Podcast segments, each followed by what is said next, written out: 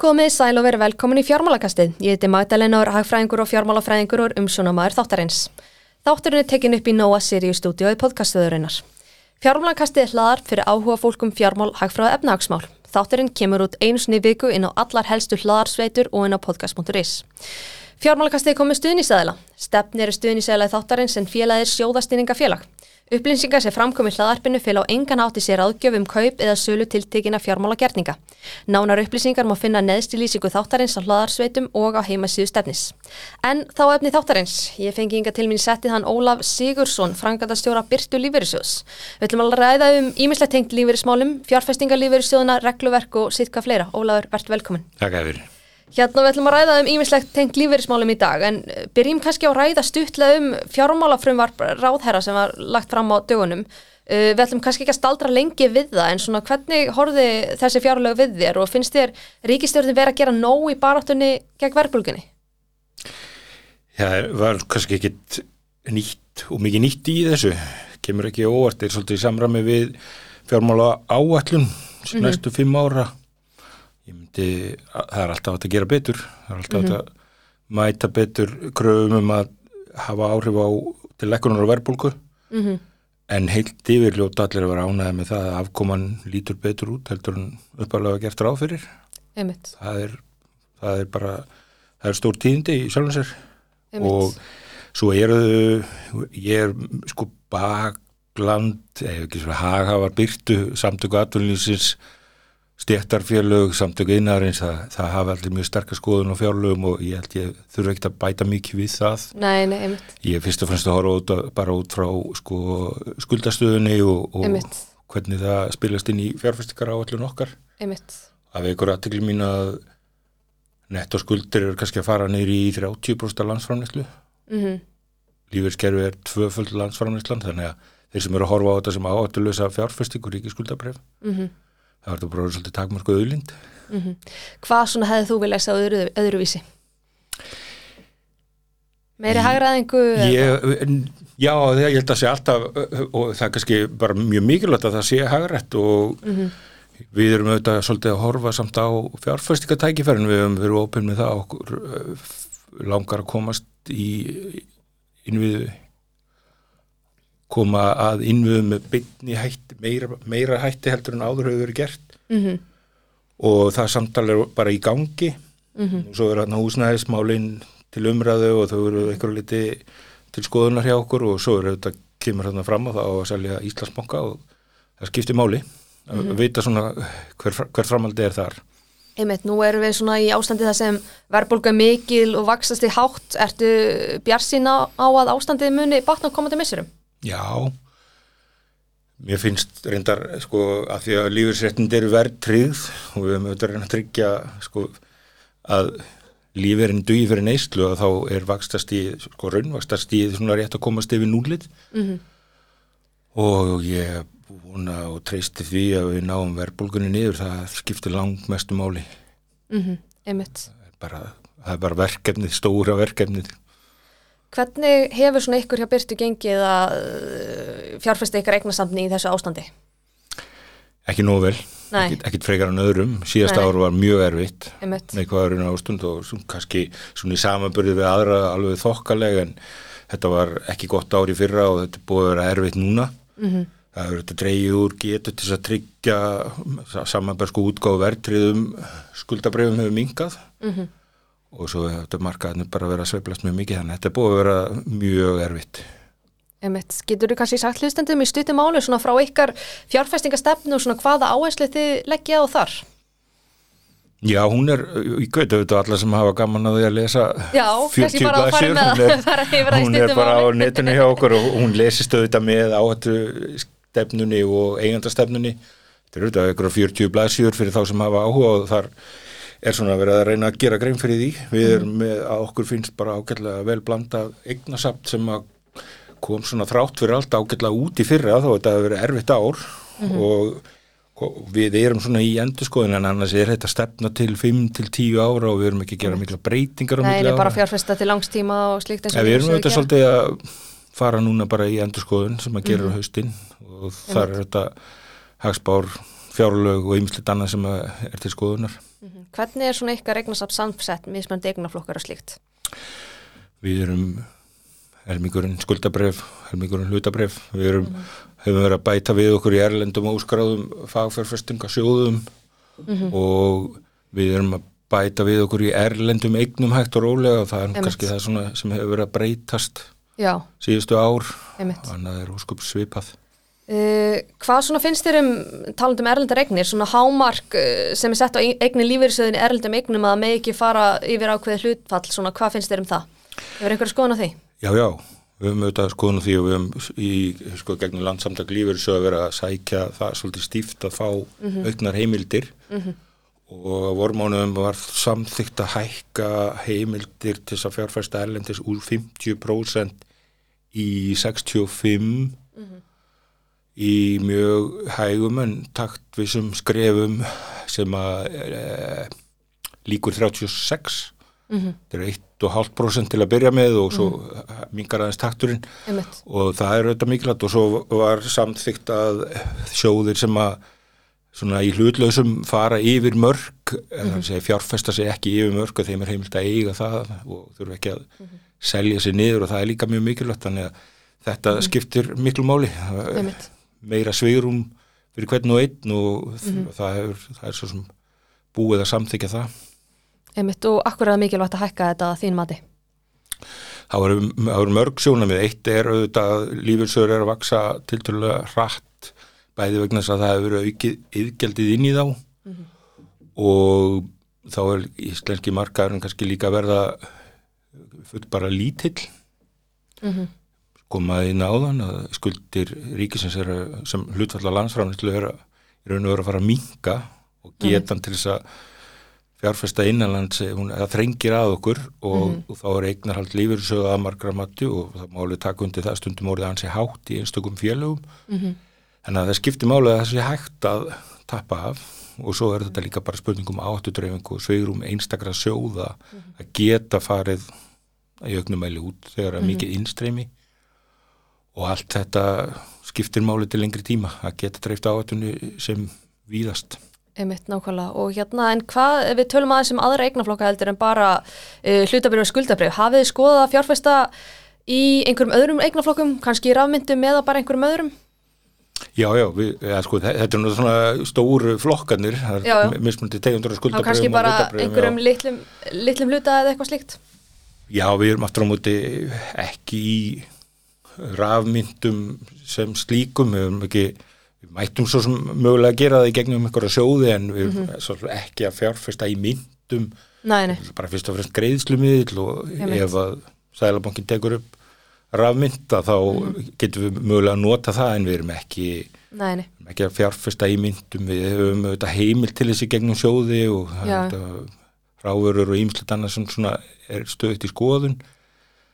En nýsköpun framtagsfjárfestingar og Mhm. við erum eins og margir aðrar að færa okkur kannski aðeins meira inn í þann hluta atvinnlýsi sem er það sem vakstabroturinn er og kannski líka bara framtagsfjárfestingar og það er svona þróunin sem hefur verið undanfærið en það er Einmitt. svona hlutabref eftir sem áður en, en með öðru formi einmitt. Hefur einhverja skoðanir á rafmyndum sem eignaflokki? Svona bursið frá því að lífeyrissjóðir, fjárfestingum lífeyrissjóða í þeim? Já, ég sko mynd er bara greiðslumiðil og hann þarf að vera nokkuð örugur og maður þarf ekki að nota hann en þetta er ekki að mínum að þetta er góður eignaflokkur. Nei, nei, það er ekki mikið tekju ég sé ekki svo, sem ekki sko sé þetta ekki fyrir mér sem eignaflokk heldur frekar kannski bara sem greiðslumiðil og, og ég held svona til framtíðar að það geta alveg orðið til sko greiðslumiðlar í formi rafmynda -hmm. en þeir þurfa að vera svona nokkuð tryggir og, og byggðir á en nánast bara enga rétti sæðlabanka mm -hmm. að maður geti svona trist þeim einmitt, við hérna, erum ekki að skoða þá sem eignaflokk einmitt, en aðeins að hérna laga umgjörði kringum lífeyrissjóði. Er eitthvað svona lagabreitingar sem þú myndi vilja sjá? Já, við höfum auðvitað náð fram mörgum breytingum sem við höfum verið svona kalla eftir og eitt af því sem AGS var nú að byrta í sumar og hefur fjallað svolítið um það er að það er að draga úr magnbundnum takmörkunum. Það eru, það er bara rík hefð fyrir því á Íslandi að setja lífeyrissjóðum ákveðin takmörku því hvað áhættan má vera mikil og hvaða eignaflokkar eigi að vera í safninu alltaf að gældur sögurum bendir á að, að það er og verið búið að taka upp skynsamansreglu á Íslandi sem hveður á um svona bara það sem á einsku kallast prudent person rule Mhm. Það sem ég kalla bara heilbriða skynsemi að það sé hafa verið aðgátt og fjárfestinga kostir eru greindir og fjárfest með eignadreifingu í huga og bara með sjóðfélaga fyrst og fremst í huga. Og það er svona það sem við höfum verið að kalla eftir og mér sýnist að muni gerast að það veri dreigið að einhverju liti úr þessum takmörkunum. Mhm. Og það verður þá í skiptum fyrir auknar gröfur til stjórnarhátta og aðferða verklags við að gera þetta. Þannig ég ger alveg ráð fyrir því að mér sýnist og heyrist vera ágætt slumgrunn fyrir því. Þannig að Einmitt. það verði breytingin að það svona rýmri um veikmörk og að hver sjóður fyrir sig geti svolítið ákveði hvernig hann dreifir áhættunni Já, nákvæmlega. Lesandi morgublaðsins hafa tekið eftir að ég hef skrifað svona nokkra greinar um kauprætti í nýsköpunarfyrirtækjum og viðhór til þeirra. Ég rætti meðal annars við þig um þessi mál. Kanski þú getur svona deilt hvað afstuð þig hjá Byrtu takið til kauprætta í nýsköpunarfyrirtæki. Sko almennt eru við bara hlind nótkun á kauprættum, þetta er hluti af arvokstengdum launum og það er enginn sem ég þekki sem er eitthvað sérstakar neikvæða skoðun á því. Næ. Kunstin er auðvitað að verðleggja þá í nýsköpunum fyrirtækjum og ég held þegar að einhver kemur 100 miljónur inn í fyrirtæki sem er kannski fyrst og fremst bara góð viðskipta hugmynd Mm að þá getur verið svolítið erfitt að finna jafnvægið. -hmm. en hvatinn og getan þegar getan er kannski ekki mikil og það þarf að halda launum niðri á meðan að vera að koma fyrirtækjum á svona vakstastíð að þá getur verið mjög mikilvægt að nota þetta og þá er, þá er þetta bara spurningum til hversu langs tíma hversu djúft er ná inn í bara fyrirtækið, hvort að það stendur öllundin búða eða einhverjum einstökum og svo er náttúrulega bara verðlagningin Einmitt. Hafið þið eitthvað fjárfæst í nýsköpunarfyrirtækjum eða geraði mest í gegnum sjóði eins og margir lífeyri sjóður gera?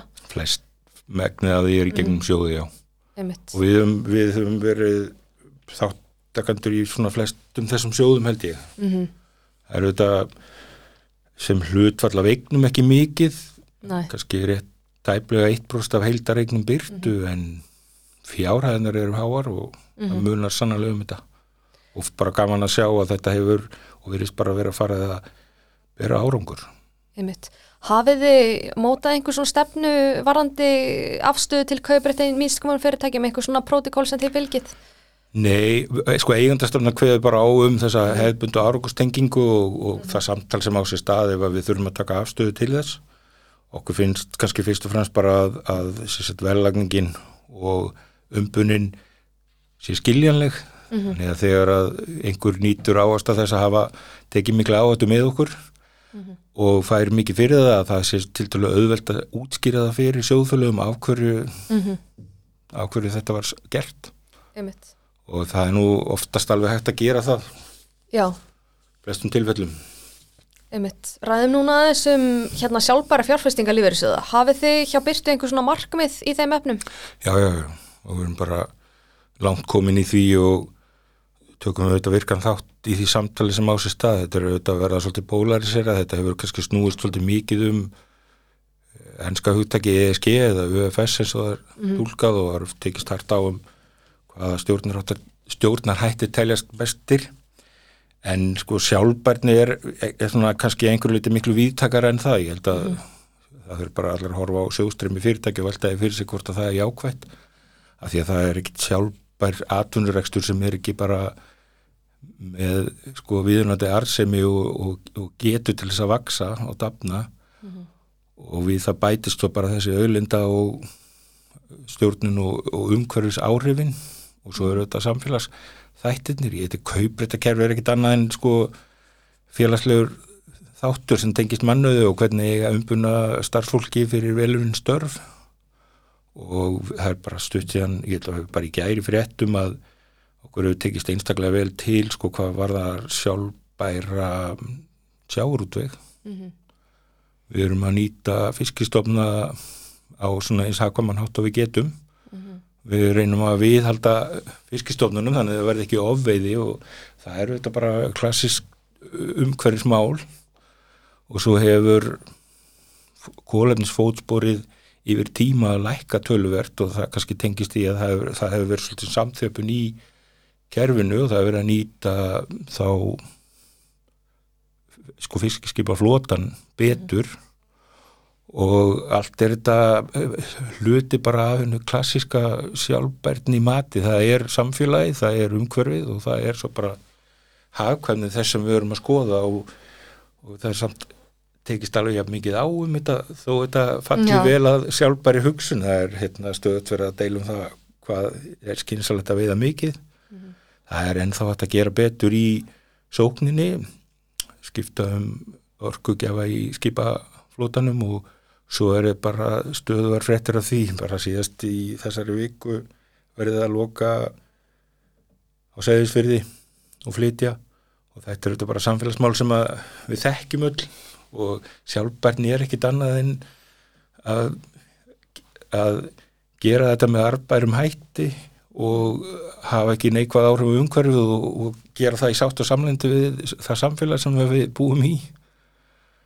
Þannig að ég, ég, þetta eru þetta hugmyndafræði sem ég held að sé ekki umdeild mm -hmm. en þættinir eru alltaf umdeild Já, einmitt og eins og segir það er svo horfið í meira mál til UFS státt í sinni fjárfæstingstefni, það er náttúrulega ekki laustu gaggrinni. Getur tekið undir eitthvað þeir, þeirri gaggrinni eða sjóðumnamiðum sem hafa komið fram? Já, það er, það er auðvitað alltaf hægt á svona upplýsinga óriðu þegar farið er af stað með fullt af þáttum sem á að mæla og skila og upplýsa um og það tekur bara alltaf tíma, það er flokkuna tilskipunin, taksanómiðan frá Európusambandinu, hún er auðvitað bæði flókin og svona umfangsmikil en henni var nú samt svona ætlað að reyna að koma skikk á þær upplýsingar sem á að miðla. Og svo getum við auðvitað og eigum auðvitað raukraða reglulega stjórnarhætti og hvernig við metum stjórnarhætti. Það er, það er auðvitað, það hefur svolítið verið reynd að meta stjórnarhætti með tölulegum hætti og það er fyrirtækir að fá 95, jafnvel með einum aukastaf í einhvers slags númerist mat á því að stjórnarhættir eru góðir. Víku setna er, er kemur fjármála eftirlitið og, og segir sína skoðun og þetta er alveg snar þáttur því að meta fjárfestingar að velta fyrir sig bara hvernig starffólk og hvernig skipan fyrirtækisins er, er þarna stjórnamenn og starffólk sem að fjárfesta trúa að geti reiki fyrirtæki vel mm -hmm. og ég held að það maður hjálpi gaggrína þá hugsun að það sé hægt að gera það og meta það með einum aukast af mm -hmm. borið saman bara það, það er, sumir hafa bara góða tilfinningu fyrir því að meta hæfileika starfsfólk og sjá mm -hmm. fórstjóra og stjórnamenn sem hafa náð góðum árangri og þetta er ekki þetta er auðvitað alltaf umdilt þetta með alveg gaggrina þetta og það má líka gaggrina mjög art mm. og eigum auðvitað að vera gaggrinina og svona nýjungar, þetta tekur tíma að innlega þessa hugsun. En ég, ég tek ekki undir þá gaggrinni að það sé ekki skynsanlegt að horfa í umhverfistætti og samfélagið þegar maður metur fjárfæstingakosti, ég held að það sé bara Einhverjir hafa velt fyrir sér að lífeyrisöðu sé að fara út uh, fyrir lögbundi hlutverk sitt með að horfa til auðvitað að einhverjir hafa mætti fjölmeil og sagt það, hvað finnst þér um þá gaggrinni? Já, hún, hún á, gaggrinni alveg rétt á sér mm -hmm. en um, bóskildan hveður alveg á, skýrt á um það með því að horfa í hagsmunni í sjóðfélaga við ákvörðun og fjárfestingu og þá er alveg hægt að færa sterkur auk fyrir því að, að það megi horfa til þessara í tilskipun, nei breytingu á tilskipun Evropasamhættisum starfstengta lífeyrisjóði frá 2016 æjorps reglgerinn, þar er bóstaflega sett inn heimild að þjóðuríkjum sem heimild að fella UFS undir umbóðskilduna brútum personregluna en það er kannski líka til marg sem um það að á þeim tíma þá þótti mikilvægt ymitt að fella það undir heimildina. Mm -hmm. Af því að fyrir þann tíma virtist að vera umdeilt eða að minnst okkur stegi ekki vera alveg skýrt hvort að það mætti taka til til þessar þáttar mm -hmm. en ég held að ef þú verður að fjárfesta í skipi sem er í ólimpískum veiðum með takmarka öðlind og mögulega öðlind sem að verður verið að fara ítla með það þá finnst mér mjög skrítið ef einhver sagði að það þýrst ekki að horfa í umhverfisáttin Ég, og það er bara eins með kaupréttina því að það er nú bara svona samfélagslegu þáttur og starfsmanna þáttur sem að menn horfa í að það, það er svolítið hérna, sérstatt að segja að það skipti ekki máli þegar maður er að fjárfesta og meta fjárfestingakost að, að laun og, og umbun og hvernig, hvernig starfsmannumáli eru bara yfir höfuð er bara matsþáttur sem ég held að allir taki undir að hérna, skipti máli þegar maður metur fjárfestingakost uh, Aðeins um lífverðismál almenning kannski hvað þarf svona almenningur að hafa í huga þegar hann fer að huga lífverðismálum eða skoða þessi mál? Já, sko við, hann getur nú, hann getur náttúrulega bara að byrja á því að meta sína eigin kannski þarfir til lengri tíma og við njótum öll ákveðna grunnréttinda frá tryggingastofnun og svo er okkur skilt að borga í það sem við kallum aðra stóðina og þegar sérinin en annars vegar þá er bara mjög holdt fyrir alla veltaði fyrir sér. Er það sem ég mun mögulega að fá út úr fyrstu og annari stóðinni eitthvað sem ég sætti mig við?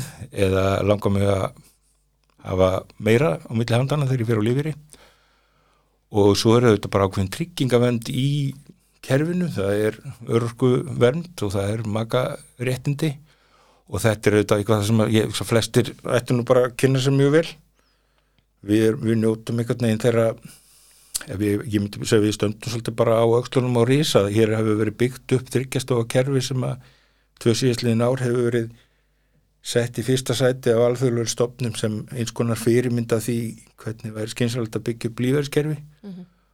og ég tek bara eftir því að kollega mínir erlendis er farnir að velta í fyrir sér hvað er það sem okkur tókst að gera vel mm -hmm. og okkur okkur er ekki hægt að gera það annar staðar mm -hmm, einmitt. Myndir þú segja almenningur sé nógu vel upplýstur um lífeyrismál?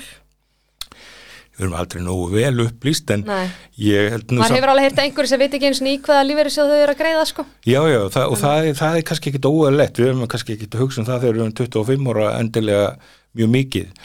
Og það er nú kannski svona hluti af því að það er gert skilt á Íslandi að borga í lífeyrisjóða því að við erum kannski á svona á því tímaskeiði að æfiskeiði kannski ekki mikið að velta í fyrir okkur hvernig þetta verður þegar við verum 67 ára eða 70 en svo þegar aldrei færist yfir þá kannski fer áhugin að vakna mm -hmm. og þess vegna finnst mér það skipta máli og ég held að almenningur sé nú ágætlega upplýstur en hann er kannski ekkit endilega mikið að velta þessu fyrir sér á milli daga Nei, nei, nákvæmlega. Það er langtíma spartnaður og það er oft mjög erfitt fyrir okkur bara sem svona að hugsa 40 ár fram í tíman og fara að gera ykkur rástafanir þegar við erum 25 ára.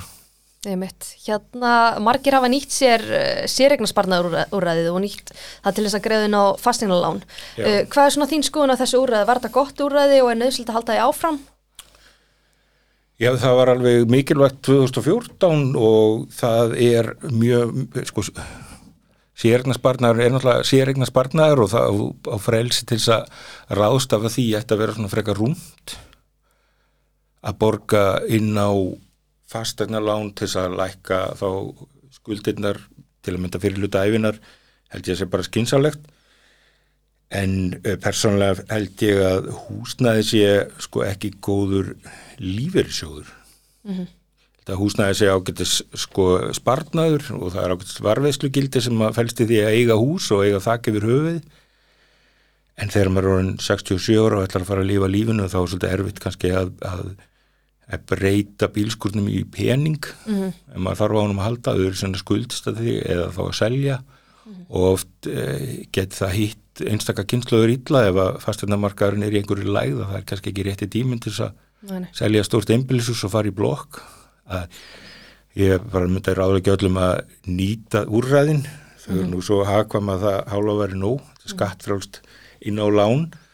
Þannig ég bara ég myndi nota þetta í takmarkaðan tíma reyna að halda líka svolítið einhverju verbreyveikt sem eru auð, auðvelt að að nota þegar það er að kemur Emmeit. Veistu hvað margir hafa nýtt sér þetta úrræði?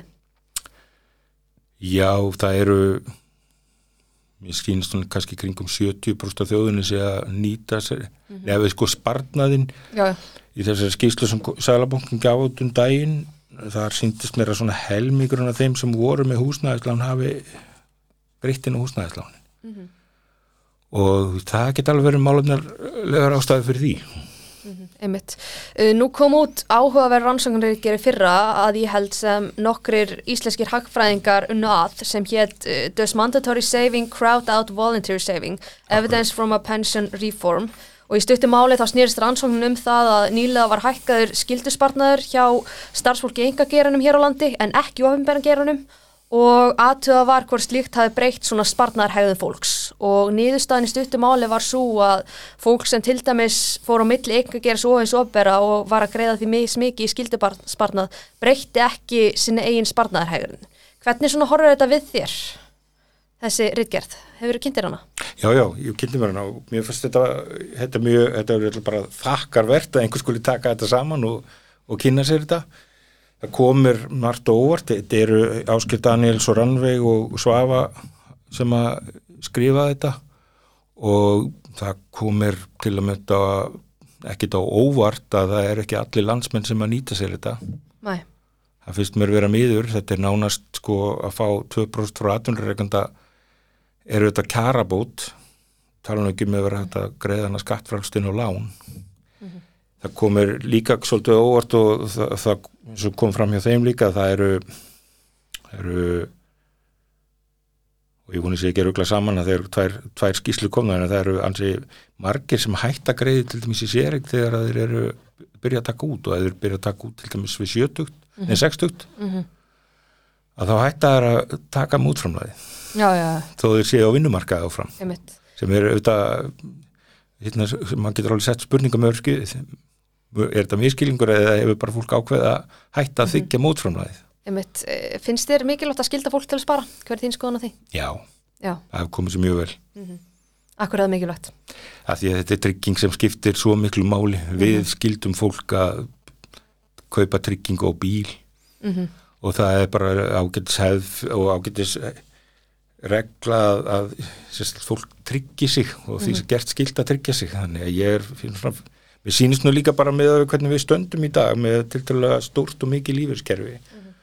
Að mörguleiti sjálfbær á það þá þegar við erum orðin 67 ára að það hefði mitt verið snar þáttur í þessu er að það var gert skilt að setja í sjóð. Einmitt, nú er þjóðina el- eldast og við erum alltaf að lifa lengur og lengur. Hvaða svona áskorunir hefur það í för með sér og hvernig getum við mætt þeim áskorunum? Við erum búin að hlutleysa að einhverju leiti áhrifin, við vorum kynntar hérna trygginga lífslíku töflur fyrir nokkrum árum og flesti sjóðunir eru búin að aðlega sig að þeim. Þannig að við höfum milda töluvert áhrifin sem að þessu fylgir á lífeyriskerfið. Mm en við erum auðvitað samt með fullt af öðrum áskorunum sem að tengist bara því að við erum meðal fjölskyldinar með hvað eignast 1,6 barn og -hmm. til þess að við held að þjóðinu þurftum við 2,2 kannski þurfum við eitthvað að huga að svona ungum fjölskyldum og veltaði fyrir okkur ákverju, ákverju frjóðsum er að minga og svo verður þetta eflust ef að þjóðin eldist svona eins og spár gerir á fyrir þá verður þetta þungt það heilbyrðistjónustan það var áskoranir þar líka en þeir sem er að koma á líferi eftir 10, 20, 30 ár þau eru allir að borga skatt á þeim tíma. Þannig að það er, það er mikil skattstofn inn í kerfinu sem að, sem að verður greitur út þegar fólk fyrir á líferi þannig að svona miða margar aðra þjóðir tala um þá sem hafa ekkert sapnað þá, þá, er, þá eru búin aðláka okkur mjög vel að þessu Einmitt. Sveian, kannski sveigjanleg líka starfslók ég held að þurfa, Já, já. það er að gera svo margt til þess að að milda þetta. Einmitt, en hvað svona aðeins að hugmyndi fjármálaræðir að þess efnis að fólk fái svona aukið valferðilsi í lífeyrismálum, hvernig er svona horfa þær hugmyndir við þér? bara vel, sko, það er hluti af því að gera fólk svona meðvitaður um uh, möguleikan að það geti lagt fyrir og geti fengið mótframlag. Það er 70 leiðir í bóð í dag. Og maður horfir svona á, á, á árbækur sælabankan eða fjármála eftirlitsins þá er nú ekki mikið rápa á milli leiða þannig að hegðunin hinga til hefur svolítið verið að fólk velur sér sérigna leið og svo borgar það í þá leið svolítið lengi. Mm ef að, ef að það verður til þess að fá ungt fólk til þess að borga í séregn að það geti valið sér meira að eigin ósk hvernig það ráðstafar því því mun betra Einmitt. Hérna enn á venju, þá endur við þáttinn á persónulegu nótunum. Já. Getur við kannski byrjað að segja mér svona aðeins frá þér og þínu bakgrunn? Já, ég er, ég er hérna fættur á Ísafverði eða alveg upp á Ísafverði hvar ég lög mentaskóla sem að er nú eiginlega svona Stanford á Íslandi, mentaskólinu í Ísafverði fór svo til uh, Austuríki svona um erðafræði í sex ár bætti svo um í rekstrar og viðskiptafræði í endurmettun háskólans og vann hjá Íslandsbanka ykkur tvö ár áður en ég reyði mig til fyrirtæki sem að hétt þá virðing og var lítið verbreyða fyrirtæki einu lífyrirsjóð Einmitt. rann svo inn í kviku á sann mörgum öðrum og hef mér að verið að vinna á lífyrirsjóði síðan 2002 er, er hérna er skal ég segja er bara sáttu við það. Skemmtilegur, ske- skemmtilegur hérna, vettfangur til þess að vera einum fólk bæði á sviði fjármála og ekkert síður bara þá sem leita til lífyrirsjóða Hvað finnst þér svona skemmtilegast við starfið þitt? það er bara mannfólkið, sjóðfélagarnir og allir þeir. Þú ert líka duglegur að mæti fjölmiðla? já við, við þurfum auðvitað bara að, hérna, bjóða upp á samtal. Og það hefur kannski bara það, það, það svona fylgir starfinu að bjóða sig í samtal og segja út hjá skoðun okkar, þetta er ekki, þetta er ekki mína skoðanir, ég er, ég er bara málsvari sjóðsins og ég er ráðfæri með þetta við alltaf góða fólk sem er að vinna með og, og mér sýnist það bara koma vel út ég held að það sé alveg e, það, það geta alveg bætt kerfið að, að fleiri tjái sig bara um málefni líðandi stundar frá mm. lífursjónum Einmitt. En hver er þín svona helstu áhugamál? Ég, ég sko íþróttir frá bara unglingsárunum, ég er nú ekkit rosalega liðtekur kannski á hlaupabrettun í dag en amerska knaspinnan, eða amerski fótboltinn er að byrja, fyrsta umferðin er búin og ég fylgist með því og svo er það knaspinnan, enska knaspinnan og, og svona margt annað á því sviði. Svo hérna guttla ég á gítar og syngi kór og, og geri ýmislegt með fjölskyldunni og það er, það er mörg að taka. Ég sitt í stjórn sögufélags og, og er, er að reyna að koma hagsögufélagi á koppin, hvernig sem það gengur það er Herðu, það er áhugavert. það er nú tekið fimm ára að reyna að koma að því en það, það stefnir í fund Endilega láttum, endilega ég láttum skal vita setja þig. það á listan já, já, já. það er, það er margir líst yfir áhuga að, að hérna, það verði tekið einhver saman Já, já, einmitt. Örgulega einhverjir hlustandi fjármálakassi sem hafa líka áhuga á því. Það lítur að vera, það kom nú eiginlega frábær bók út í um, síðustu jól með honum hérna